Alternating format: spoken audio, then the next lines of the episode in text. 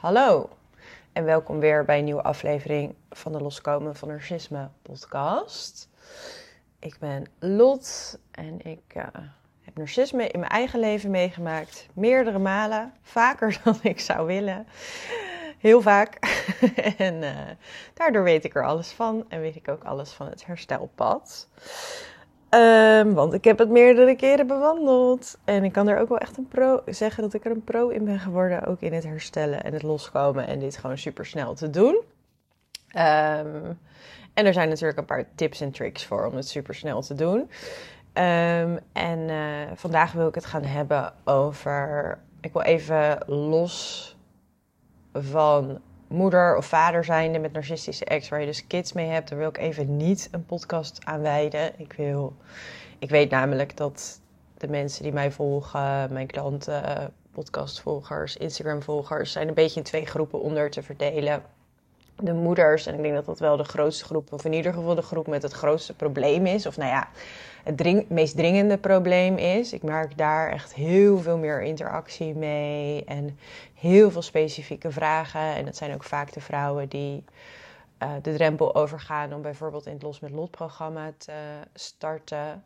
Waarom? Ja, ze zeggen ook wel eens: je gaat pas echt dingen doen als de uh, pijn groot genoeg is of de te vangen oogst of de te vangen plussen, weet je wel. De, de winst groot genoeg is. Dus er is een soort van mega jump die je moet maken of in een mega dip die je moet zitten om dus bijvoorbeeld in een coachingsprogramma te stappen of een training te kopen of whatever, überhaupt hulp te zoeken.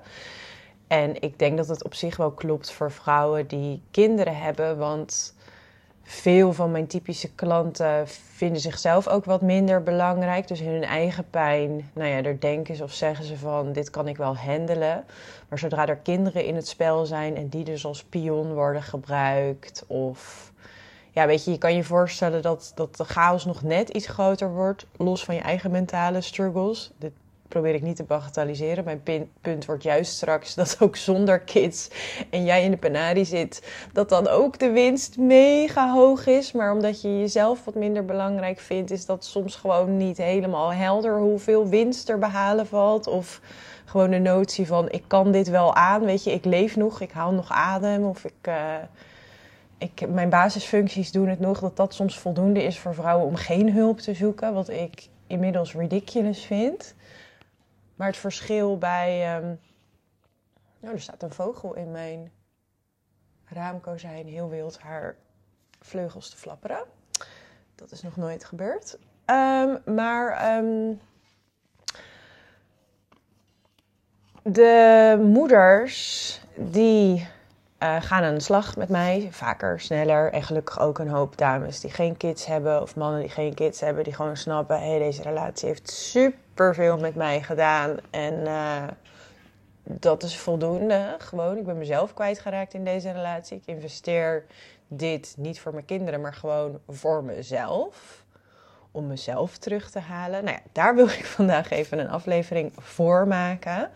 Voor de mensen niet met kinderen. Want met kinderen is gewoon weer een vak apart natuurlijk. En oh ja, er is gisteren iemand in Los met Lot programma gestart. En zij is wel moeder. En zij vroeg ook, joh, welk deel van het programma gaan we dan gebruiken voor mij? Voor mijn ziel, als het ware. Dus haarzelf weer terughalen, uh, aan haarzelf denken. En welk deel strategie? Want ze zit nu in het heetst van de strijd. De scheiding is nog niet eens begonnen. Die gaat beginnen.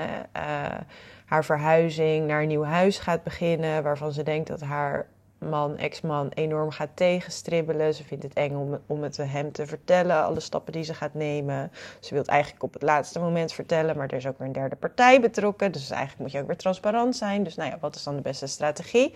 Allemaal valide vragen natuurlijk. Maar um, zij vroeg, joh, in die drie maanden, wat is dan strategisch?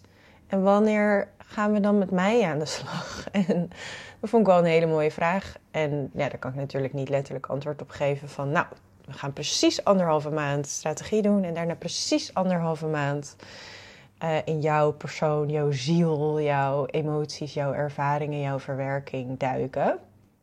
Um, want je weet natuurlijk niet hoe lang het duurt voordat zij ja, de strategie los mag laten. Weet je, ik zie het echt bijna als jezelf naar veiligheid loodsen. Fysieke veiligheid, mentale veiligheid. En je moet wel een soort van bubbel of rust ervaren. Dus in haar geval in een nieuwe woning. Zodat ze er wonden kan gaan likken. Zodat ze met haar emoties aan de slag kan gaan. Kunnen we nu wel doen, maar ze zit nu nog echt een beetje in die execution modus van nieuw huis, nieuwe meubels, alle ja, alle praktische dingen die je misschien wel voor kan stellen, los van de mentale shit die haar man haar geeft, ook alle adreswijzigingen, um, de kinderen mentaal voorbereiden op een verhuizing en een scheiding. Dus ze zit nu echt nog in die moederleeuw fase. Maar ja, wat ik wel natuurlijk tegen haar zei, vergeet jezelf niet in de tussentijd. Want als je straks soort van uit deze situatie komt en je hebt het gefixt in het praktische gedeelte, maar je bent jezelf volledig verloren, dan ehm, denk ik dat het gevaarlijk kan zijn, omdat ze nu al een beetje aan de tax zat. Dus eh, ja, ik zei ook, nou supergoed dat je met één op één uh, persoonlijke coaching ook start. En ik ga je zeker bij het strategische helpen. Maar mijn doel met jou is om jou als mens Weet je, je bent ook gewoon een mens die hier doorheen gaat om een soort van jouw kern en de jij wel te behouden of daar zicht op te hebben en dat ook als eindpunt te hebben. Dat, dat er niet een robot uit deze situatie straks komt, maar een mens met een ziel en een ervaring. En ja, dus uh, nou, die voelde ze en ik kon geen antwoord geven op wanneer het omslagpunt van strategie ging. Ik zei alleen, ja, ik ga mijn uiterste best doen. En natuurlijk wil ik zo kort mogelijk strategie hoeven doen en zoveel mogelijk tijd aan jou kunnen besteden. Maar ja, um, ik heb niet volledig in handen, net als dat zij het niet heeft, van wanneer zij echt volledig in die veiligheid zit. Dus uh, dat gaan we allemaal zien. Maar weer lekker lange inleiding.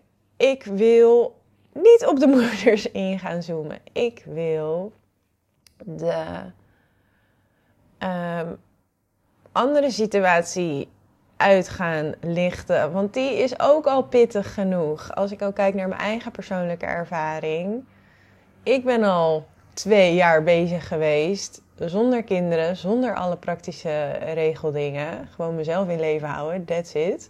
Maar dan met het mentale van wat alleen al een narcistische relatie, punt, met jou kan doen. Dat is al 100 miljoen podcastafleveringen en boeken en trainingen en mijn eigen Los met Lot programma en weet ik veel wat waard. Um, want dat is zo moeilijk genoeg. Um, waar ik aan dacht was. Oh ja, mijn eigen leuke narcistische dateavontuur van niet heel lang geleden die maar een paar maandjes geduurd heeft. En mijn conclusie daarop is dat daar al zoveel tegenstrijdige dingen zijn gebeurd. Dus dat is echt nou, een paar maanden geweest. En het was echt alleen maar daten. Een paar maanden geweest.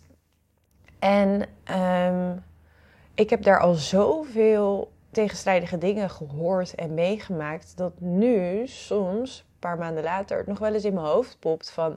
Hé, maar eerst zei die A en het tegendeel werd bewezen daarna. Daarna was het B in zijn gedrag of gaf iemand andere informatie aan mij. Of ja, things didn't add up. En ik heb dit dus twee maanden later, na daten van, nou ja, pak een beetje drie maanden. Dus dit is eigenlijk mini, toch? Zo'n zo'n daten van een aantal maanden is mini. Um, je hebt ook nog geen relatie, dus je bent nog niet heel diep gegaan. Maar je hebt wel gewoon conversaties gehad, het een en ander meegemaakt. En daar heb ik al een WTF-gevoel van af en toe. Omdat ik gewoon echt denk, hè? En nou, niet alleen van things didn't add up, maar ook de emoties erbij. Van hoe kan je daar nou over liegen? Of waarom in hemelsnaam zou je me A vertellen als B overduidelijk het geval is? En ook alle emoties er dan weer bij passen. Dus dit is al voor mij dat ik, ja, dat het gewoon iets met me doet. En dat is dus het bruggetje naar het punt wat ik wil gaan maken. Is dat als je wel in een diepe relatie hebt gezeten en het heeft meerdere jaren geduurd, dan is er zo een shitload aan dingen die jij mag gaan inzien en verwerken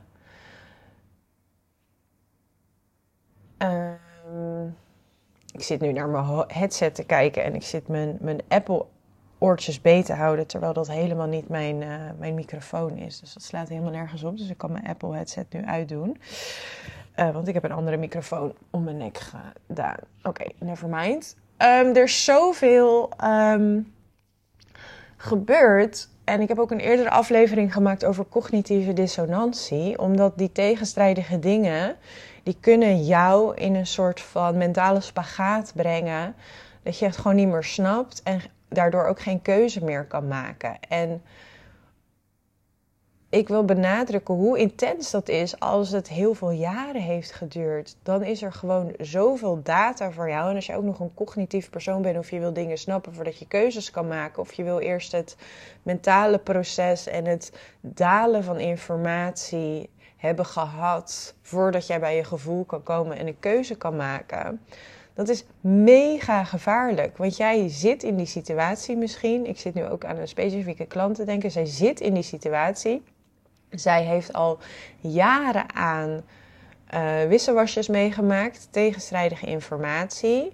Nou, ze zitten nu niet meer echt in een relatie, maar ze hebben nog wel contact. En de deur naar een relatie staat volgens mij nog een beetje open. Alleen er komen dus weer nieuwe dingen op haar bordje. En zij mailde mij ook een tijdje geleden van... mag ik een incheckje naar je sturen? Want ik word er geen wijs meer uit. En nou, je mag mailen naar mij als incheck of een voice memo naar mij sturen. Ze zei, ik wil graag een voice memo naar jou sturen. Want ik krijg het niet eens op papier. Want het is gewoon... Ik denk dat ik het met woorden iets makkelijker bij jou neer kan leggen dan op papier. Omdat ik het zelf ook allemaal niet snap. Nou ja, prima natuurlijk om mij een voice memo te sturen. Ze, ze zei ook, hoe lang mag die duren? Ze zei, maximaal 20 minuten. Oké. Maar um, toen dacht ik ook later, ik ga haar even terugmailen van... Maar als je, weet je, ik help je met liefde, maar als jij er al geen wijs uit wordt, weet je, jij kent deze persoon al, nou ja, wat zal zijn, al tien jaar. Ik ken deze persoon niet. En dan moet ik het gedrag van die persoon die jij al tien jaar kent gaan verklaren ik doe het met liefde, maar zoom even uit naar, naar wat er dan gebeurt. Jij snapt deze persoon zelf niet.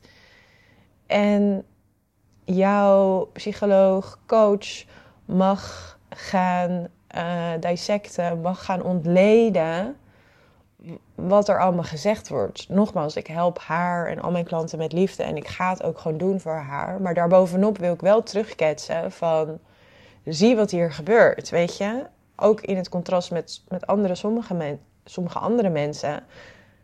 Er zijn ook mensen die je wel snapt, snap je? Dus het feit dat jij deze persoon niet snapt, of dat jij je geroepen voelt om de situaties bij mij neer te leggen omdat jij die persoon niet snapt, dat is al een teken aan de wand. Maar deze klant, en dat gevoel heb ik, en dat benadrukt ze zelf ook, is gewoon nog zo in de ik snap het niet modus. Alleen omdat ze contact blijven hebben met deze persoon, wordt er steeds meer nieuwe foefjes van ik snap het niet toegevoegd op de berg, op de hele grote berg van WTF, van ik snap het niet. en mijn klant komt daardoor, vindt het überhaupt al moeilijk om bij haar gevoel te komen. Maar omdat er steeds nieuwe dingen bij komen en zij ook een erg cognitief persoon is, schiet ze direct weer in haar hoofd om te proberen wijs te worden van de situatie. Dus ik hoop dat je nu ook voor je gaat zien hoe een enorme spagaat in kan komen. Zeker als je nog in contact blijft en geen mega pauze inlast. Wanneer je het al allemaal niet snapt, je kan al niet bij je gevoel en dan in contact blijven en discussies blijven hebben en in wezen, dare I say het, gewoon gaslighting blijven ontvangen. Tegenstrijdige informatie, omdraaiingen. Ja, maar ik doe dit, maar jij doet ook dat. En dan wordt weer je empathie of je zelfinzicht getriggerd. En dan komen er weer vijf bobbels, bobbels, vijf nieuwe um, bubbels aan, aan nieuwe ideeën of mogelijkheden of nieuwe zijtakjes of weggetjes komen er weer voor jou om over na te denken. Dat haalt je allemaal weg. En heel hard gezegd, dat weet deze andere persoon ook. Dat haalt je allemaal weg bij jouw gevoel. En vanuit jouw gevoel kan je een beslissing nemen.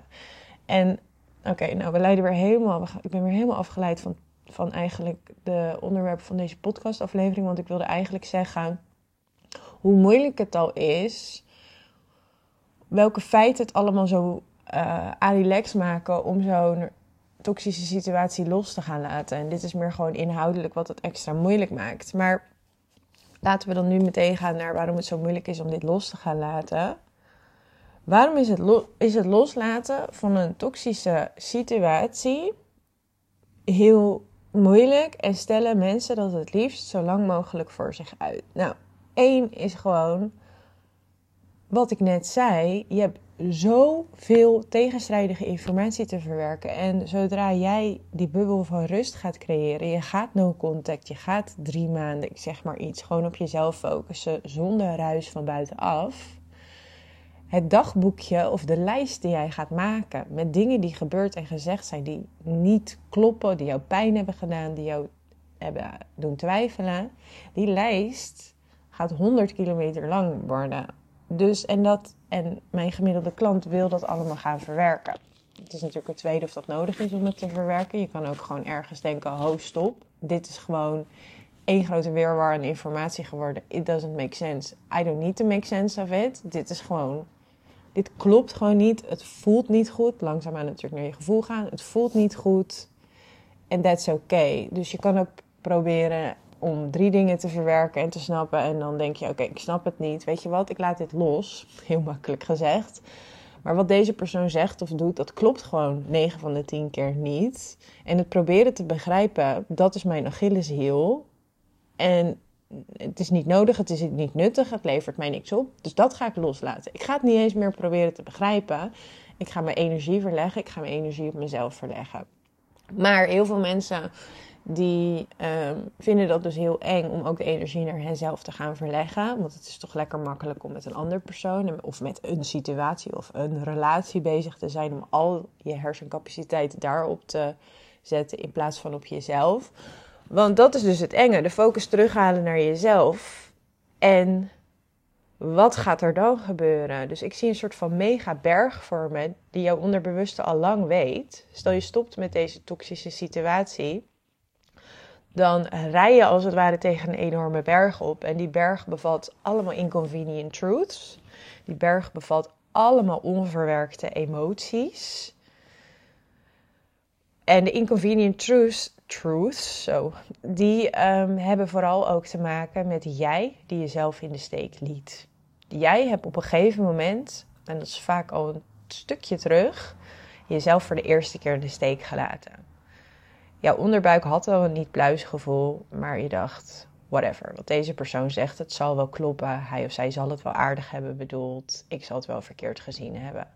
Dat heb je één keer gedaan en dat heb je waarschijnlijk 2000 miljoen keer gedaan. Daarna. En dat, weet je, het heeft vaak niet eens met de ander te maken. Jij hebt jezelf in de steek gelaten.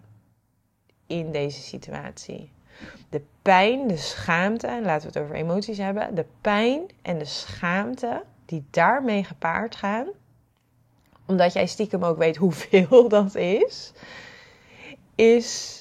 Je kan je misschien niet eens voorstellen, of je onderbewuste kan je niet voorstellen dat je dat gaat overleven. De hoeveelheid aan schaamte en pijn en inconvenient truths van hoe vaak jij jezelf in de steek hebt gelaten in deze situatie jij denkt, of jouw onderbewuste denkt, dat jij dat niet aan kan. En daarom schuif jij het moment nog even voor je uit. En dat is dus de jingle waar je in zit. En als jij zo'n nog even voor je uitschuift, een dag of een maand of een jaar of een week of whatever, dan komen er nog meer dingen bij. Zie je die? Dus dan worden de, de hoeveelheid van inconvenient truths, de dosis aan schaamte en schuldgevoelens ten opzichte van jezelf, pijnen, ook van jeetje, ik heb zoveel tijd aan deze persoon besteed. Terwijl ik het ook aan mezelf of aan een wel communicatief, normaal, liefdegevend, emotioneel beschikbaar persoon had kunnen geven. Jeetje, ook dat gevoel, FOMO. Er is ook mega FOMO.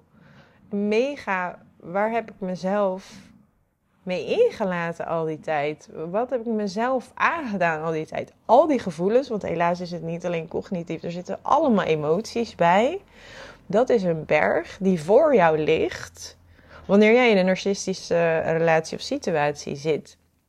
En de tip der tips natuurlijk om wel dat bruggetje te gaan maken naar bijvoorbeeld no contact, bijvoorbeeld weer in je eigen lichaam te komen, focus op jezelf. De tip der tips is ga anticiperen op die berg. Ga die berg uitpluizen met een coach of zelf. Ga voorsorteren op die pijn. Ga bedenken. Ga echt, en dat doe ik ook wel eens in coachsessies. Ik ga jou eigenlijk mega al triggeren om die pijn te voelen. Ik ga dan helemaal doorvragen: oké, je gaat deze persoon loslaten. Wat ga je dan voelen? ja, pijn. Oh, ik word helemaal misselijk. Ik voel het in mijn keel. Ik wil overgeven. Ik voel hoofdpijn nu opkomen. En dan zeg ik: Oké. Oké, nou, blijf er even in hangen. Ga even door dat gevoel heen. Wat voel je nog meer? Ja, ik voel ook nog dit en dat en dat en dat. Dus we gaan het enge en ook die schaamtegevoelens. Waar schaam je je nu over? Ja, omdat ik toen het eigenlijk al had kunnen weten. Ja, en toen eigenlijk ook. Oh my god, en ik heb ook tegen mijn familie gelogen. Of ik heb ook toen uh, dat en dat afgezegd voor deze persoon. Terwijl ik eigenlijk een heel leuk, weet ik veel, dagje naar de Efteling met mijn vrienden had kunnen hebben. Of een etentje met mijn vrienden heb ik afgezegd. Schaam ik me eigenlijk ook wel voor. Oh, ik heb ook dit gedaan. Dan gaan we daarop inzoomen. En wat, wat gebeurt er dan? Als je daar licht op gaat schijnen, op alle pijnen, alle emoties, alle inconvenient truths, dan wordt het minder eng. Want het is, weet je, everything is altijd figure-outable, zeg ik altijd.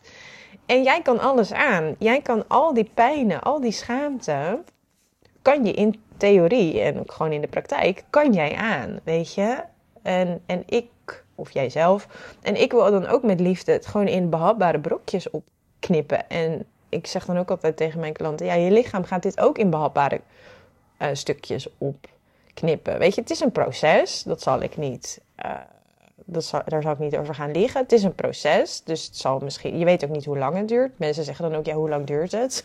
dan zeg ik voor de grap: uh, nou, drie maanden, drie minuten en uh, drie, drie seconden. Ja, dat weet ik niet. Dat weet ik echt niet hoe lang het duurt. Maar ik weet wel dat je het aan kan.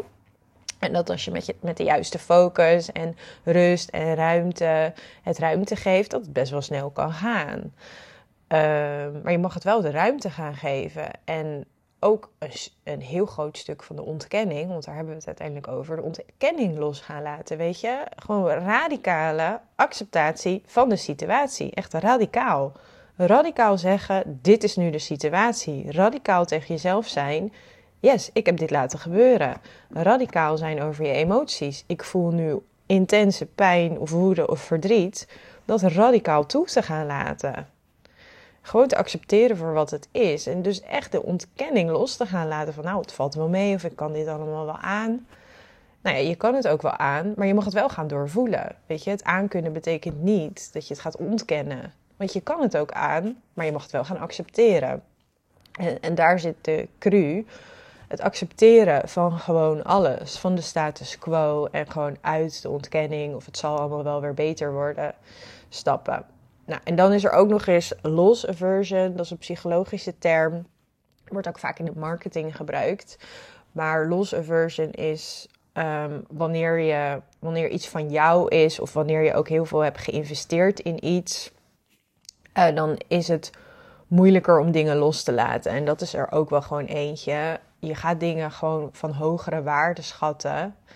Um, wanneer je bijvoorbeeld, nou ja, narcistische relatie, wanneer je veel gedaan en gelaten hebt voor zo'n persoon. Dus stel je ontmoet iemand en iemand is een eikel. En je ontmoet iemand en iemand is een eikel, dan denk je, tenminste de meeste mensen, ik hoop jij ook, oké, doei, je loopt er met een rondje omheen. Maar wanneer iemand in het begin geen eikel lijkt, of nog niet helemaal duidelijk is voor jou, for whatever reason, maar jij um, al drie maanden of drie jaar of dertig jaar um, allemaal dingen heb gedaan met deze persoon. Nou ja, bijvoorbeeld ook kinderen is natuurlijk mega toevoeger voor losse version, maar ook vakanties. Alleen al het feit dat je geïnvesteerd hebt in iemand, een date hebt gehad, gekletst hebt met iemand, iemand misschien ook hebt geholpen met zijn of haar werk. De waarde, dit is allemaal psychologisch, hè, dit is niet rationeel. Laat ik duidelijk zijn, dit is super irrationeel. Um, maar de waarde in jouw hoofd van deze persoon gaat dan omhoog. En daardoor is het moeilijker om deze persoon los te laten. Nogmaals, super irrationeel. Want iemand is nog steeds een eikel. Dus het is nog steeds slim om die persoon vandaag los te laten, snap je? Maar omdat jij een bepaalde geschiedenis hebt, irrationeel gezien zijn jouw hersenen daar meer waarde aan gaan hechten. Dus daarom is het ook moeilijker om zo'n persoon los te laten. Dus er zijn allemaal krachten als het ware die tegen je werken. Het niet willen voelen van schaamte, het niet willen zien van de inconvenient truths waar je jezelf uh, in de steek hebt gelaten. De loss aversion, dus totaal irrationele um, gebeuren in jouw hersenen. Dat jij denkt dat dit of deze relatie heel veel waard is um, het niet willen voelen van de emoties die je donders goed weet die erna gaan komen. Dat je nog lekker lang in ontkenning hebt gezeten. Je bent die skippybal al heel lang lekker, redelijk succesvol onder water aan het duwen. En je weet dat die skippybal, zodra je gaat focussen op jezelf, naar boven gaat springen, het water uit gaat poppen. Um, dat zijn allemaal redenen om het niet toe te willen geven. Dus mijn tip der tips, en er zijn nog 58 andere tips. En ik ga ook een bruggetje maken naar de Los Academy. Dus, als, als je, dus ook als je geen kids hebt, is de Los Academy of Los met Lot programma, maar ik het nu even over de Los Academy hebben. Is de Los Academy mega voor jou. Want de Los Academy is een uh, standaard ruggengraat, noem ik dat. Van 100% los kunnen komen, 100% in je uh, eigenwaarde weer te kunnen komen, jezelf opbouwen, je grenzen opbouwen. Dus er is een soort ruggengraat. Dat is dus de hoofd Los Academy training. Dat zie ik als een soort van hele brede snelweg. Dat is de Los Academy training. Die duurt drie maanden. Die zou je in theorie over en over kunnen doen. Dus je kan hem zes maanden doen, je kan hem negen maanden doen, je kan hem twaalf maanden doen, je kan hem achttien maanden doen. Omdat alle stappen die je doorneemt zijn super belangrijk in loskomen. En als ik ook kijk naar mijn eigen proces, ik heb sommige onderdelen gewoon meerdere keren moeten doen. En ik blijf ze ook doen, gewoon als onderhoud. Maar daarom heb ik hem precies zo ingezet, die brede snelweg, dus dat je hem uh, twee keer zou kunnen doen. Dan is het dus een zes maanden programma. Je kan hem drie keer doen, dat is een negen maanden programma. Maar het is dus in principe een drie maanden programma. Dus dan is er die brede snelweg, die is voor iedereen super nuttig. Maar dan ga ik twee zijtakjes maken en die krijg je gewoon bij Los met Lot. Maar dat is dus optioneel. En eentje is, um, hey, ik zit nu in de crisis omdat ik een partner heb. Dus een vader of moeder van mijn narcistische kids. En er zijn uh, instanties gekoppeld of ja, dus het strategische daar is nog helemaal nodig. Dus dat is een soort van zijweggetje die je gewoon in je eigen tijd kan nemen. Bijvoorbeeld de eerste maand van die drie maanden. Dus dan doe je een soort van twee Los Academy trainingen in één de eerste maand. En dan aan het eind doe je gewoon de, alleen de, de echte Los Academy training. En dan is er een ander zijtakje en die is dus meer voor waar we het vandaag over hebben het echte afkicken. Het mega intense van al die gevoelens niet te willen voelen. En die noem ik gekscherend de afkikkliniek. um, en die, dat is dus ook zo'n zijweggetje die bij de Los Academy, die krijg je er gewoon bij wanneer het voor jou mega relevant is. Die dus ook in de eerste maand van die drie maanden gevolgd kan worden. Dus je bent echt een sjaak als je en narcistische ex hebt met kids. En nog het afkikgedeelte moet doen. En gewoon de standaard Los Academy wil gaan draaien. Dan heb je in de eerste maand in theorie drie mini-trainingen tegelijkertijd te volgen. Maar dan, ja, dan ben je wel in één keer van alles af. Um, dus ja, daarom is het een soort van. Uh, ik heb echt mijn best gedaan om dus een programma te creëren waar iedereen wat aan heeft. En nogmaals, de Los Academy, de, de brede snelweg, die is echt het allerbelangrijkst. Ook al kan ik me voorstellen dat als je dit niet nu hoort, dat je niet denkt dat daar de meeste waarde in zit. Maar oprecht, de zijweg voor moeders, vaders en de zijweg voor mensen die nog echt moeten afkicken, dat is een kleine zijweg. En de middelste road, daar zit de meeste waarde in. Ik ga niet uitleggen waarom dat is, maar dat is gewoon zo, punt. Um, maar even denken. Ja, dus de dingen die ik nu zei over het niet kunnen voelen van de emoties, uh, de inconvenient truth inzien, daar moet je gewoon op anticiperen dat dat gaat gebeuren. En bijvoorbeeld de Los Academy gaat dat gewoon helpen, gaat jou gewoon helpen daarbij, vooral in die afkikkliniekfase, maar ook dus in die bredere snelweg. Van daar gewoon mee te gaan dealen en de focus op jezelf te herleggen. Ehm, en dat kan je ook met een andere therapeut of met een therapeut doen, of een andere therapeut, of uh, zelf de focus op leggen, of dus met mijn academy of met mijn één op één programma, kan ook allemaal. Maar ehm, dat is dus wat je mag gaan doen. Daarop voorsorteren en dat in behapbare brokjes op gaan knippen en daar je mindset ook eigenlijk over veranderen. En de, ook de mindset van ontkenning naar erkenning verdraaien. En dat, ook dat gaat stapsgewijs. Want je zit ook in een soort van, uh, ja, wat ik al zei, cognitieve dissonantie. Maar sommige mensen zijn ook gewoon echt gedeeltelijk aan het dissociëren. Die zijn gewoon niet 100% lichamelijk in die relatie. Ze hebben allemaal um, beschermingsmechanismes om zich in zo'n toxische relatie te kunnen laten functioneren. En wat je mag gaan doen hierna, is dus in de realiteit te gaan leven, in de erkenning te gaan leven. En dat zal langzaam gaan. Dus je merkt ook dat je dan langzaamaan de dissociatie los kan gaan laten. Dus daar is ook trouwens die breedste brede snelweg van de Lost Academy voor. Zoveel rust in je lichaam te gaan ervaren. En zo goed bijvoorbeeld grenzen hebben. Dat jouw beschermingsmechanismen, waaronder bijvoorbeeld dissociatie, niet meer nuttig zijn. Dus dat je die, ja, die dingen die soms echt al in je jeugd zijn ontstaan, dat, dat, dat de functie ervan niet meer nodig is. Nou, misschien super vaag allemaal, maar daar ga je dan dus mee aan de slag.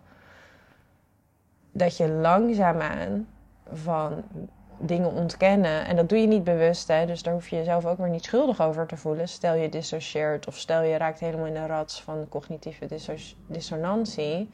Dat is gewoon, dat, dat is ooit ergens in jouw code geslopen. En dat is, dat is gewoon oké. Dat heeft jou een tijdje veilig gehouden. Het is dan echt aan jou, als je het mij vraagt om uh, naar een veilige situatie te gaan. Eén, om dan vervolgens rustig aan die mechanismes, hoe je ze ook wil noemen, splitting, cognitieve dissonantie, dissociatie, om die los te gaan laten. Enerzijds door dus veiligheid te creëren, je lichaam ook het signaaltje veilig te geven en door actief aan de slag te gaan. Daar mee. En dan wordt het leven zoveel leuker. Dan ga je de realiteit leven. Dat is top. Ook niet altijd. nee, maar wel veel leuker. Dan ga je in ieder geval. Ja, wat zei nou iemand? Iemand zei: Ja, je kan echt in een leugen gaan leven. Je kan echt, echt gewoon totaal gedissocieerd van het leven leven. Of je gaat in de realiteit leven en dan weet je in ieder geval dat alles wel waar is. Weet je, het is nog steeds niet altijd helemaal leuk. Ik bedoel, in de realiteit, geloof me, zijn er ook wel eens dingen die niet altijd helemaal leuk zijn. Nu moet ik trouwens helemaal aan de Barbie-film denken. Maar in de realiteit zijn er ook wel eens dingen die niet helemaal leuk zijn. Maar het is in ieder geval waar. Dus, um, dus en de dingen die wel waar zijn en fijn zijn, die zijn echt. Dus ja, I still pick uh, reality als ik moet kiezen. Maar uh, ja, dus um, ja, ga de Barbie-film ook kijken. Hier wordt het allemaal goed uitgelegd. ja, dus ja, en dan ga je naar de echte wereld met echte mensen en echte emoties en feilbaarheid en uh, kwetsbaarheid. En uh, dat is in ieder geval echt. Okido.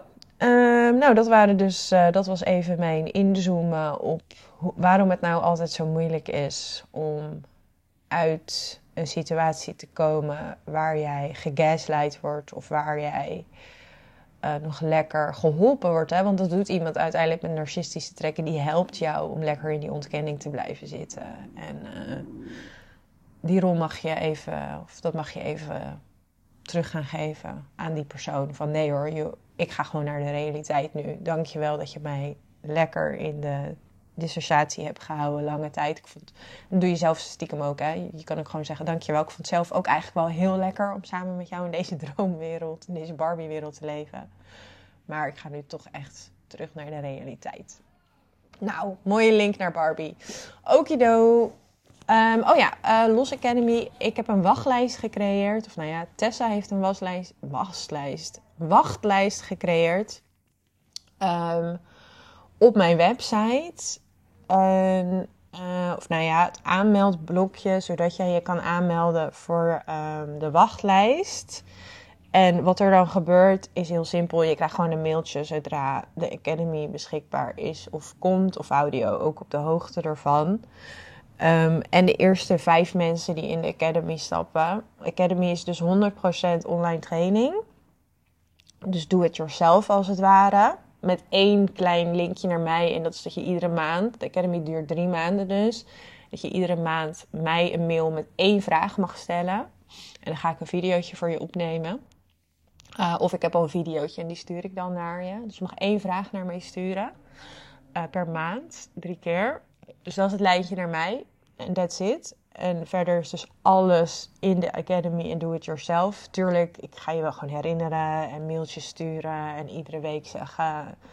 Vandaag is dit het thema en ik ga je ook vragen. Heb je huiswerk al gedaan? Al die dingen. Dus ik ga je wel, maar het is natuurlijk wel allemaal digitaal. Ik ga je wel een beetje achter de broek zitten. Um, maar je gaat mij dus niet één op één in een videocall zien. Maar de eerste vijf, die wel. De eerste vijf ik wou wel dames zeggen. Ik ga ervan uit dat het dames zijn. Maar de eerste vijf mensen die uh, in de Los Academy stappen, die krijgen een één op één sessie met mij. Uh, en dat wordt dan ongeveer een uur met eventueel een klein beetje uitloop. En mag je ook van tevoren je vragen nog even naar mij sturen. Dus dan krijg je gratis en voor niks erbij een uurtje met mij. En dan ga ik gewoon uh, met jou in jouw situatie inzoomen en jou mega boost geven binnen die Los Academy.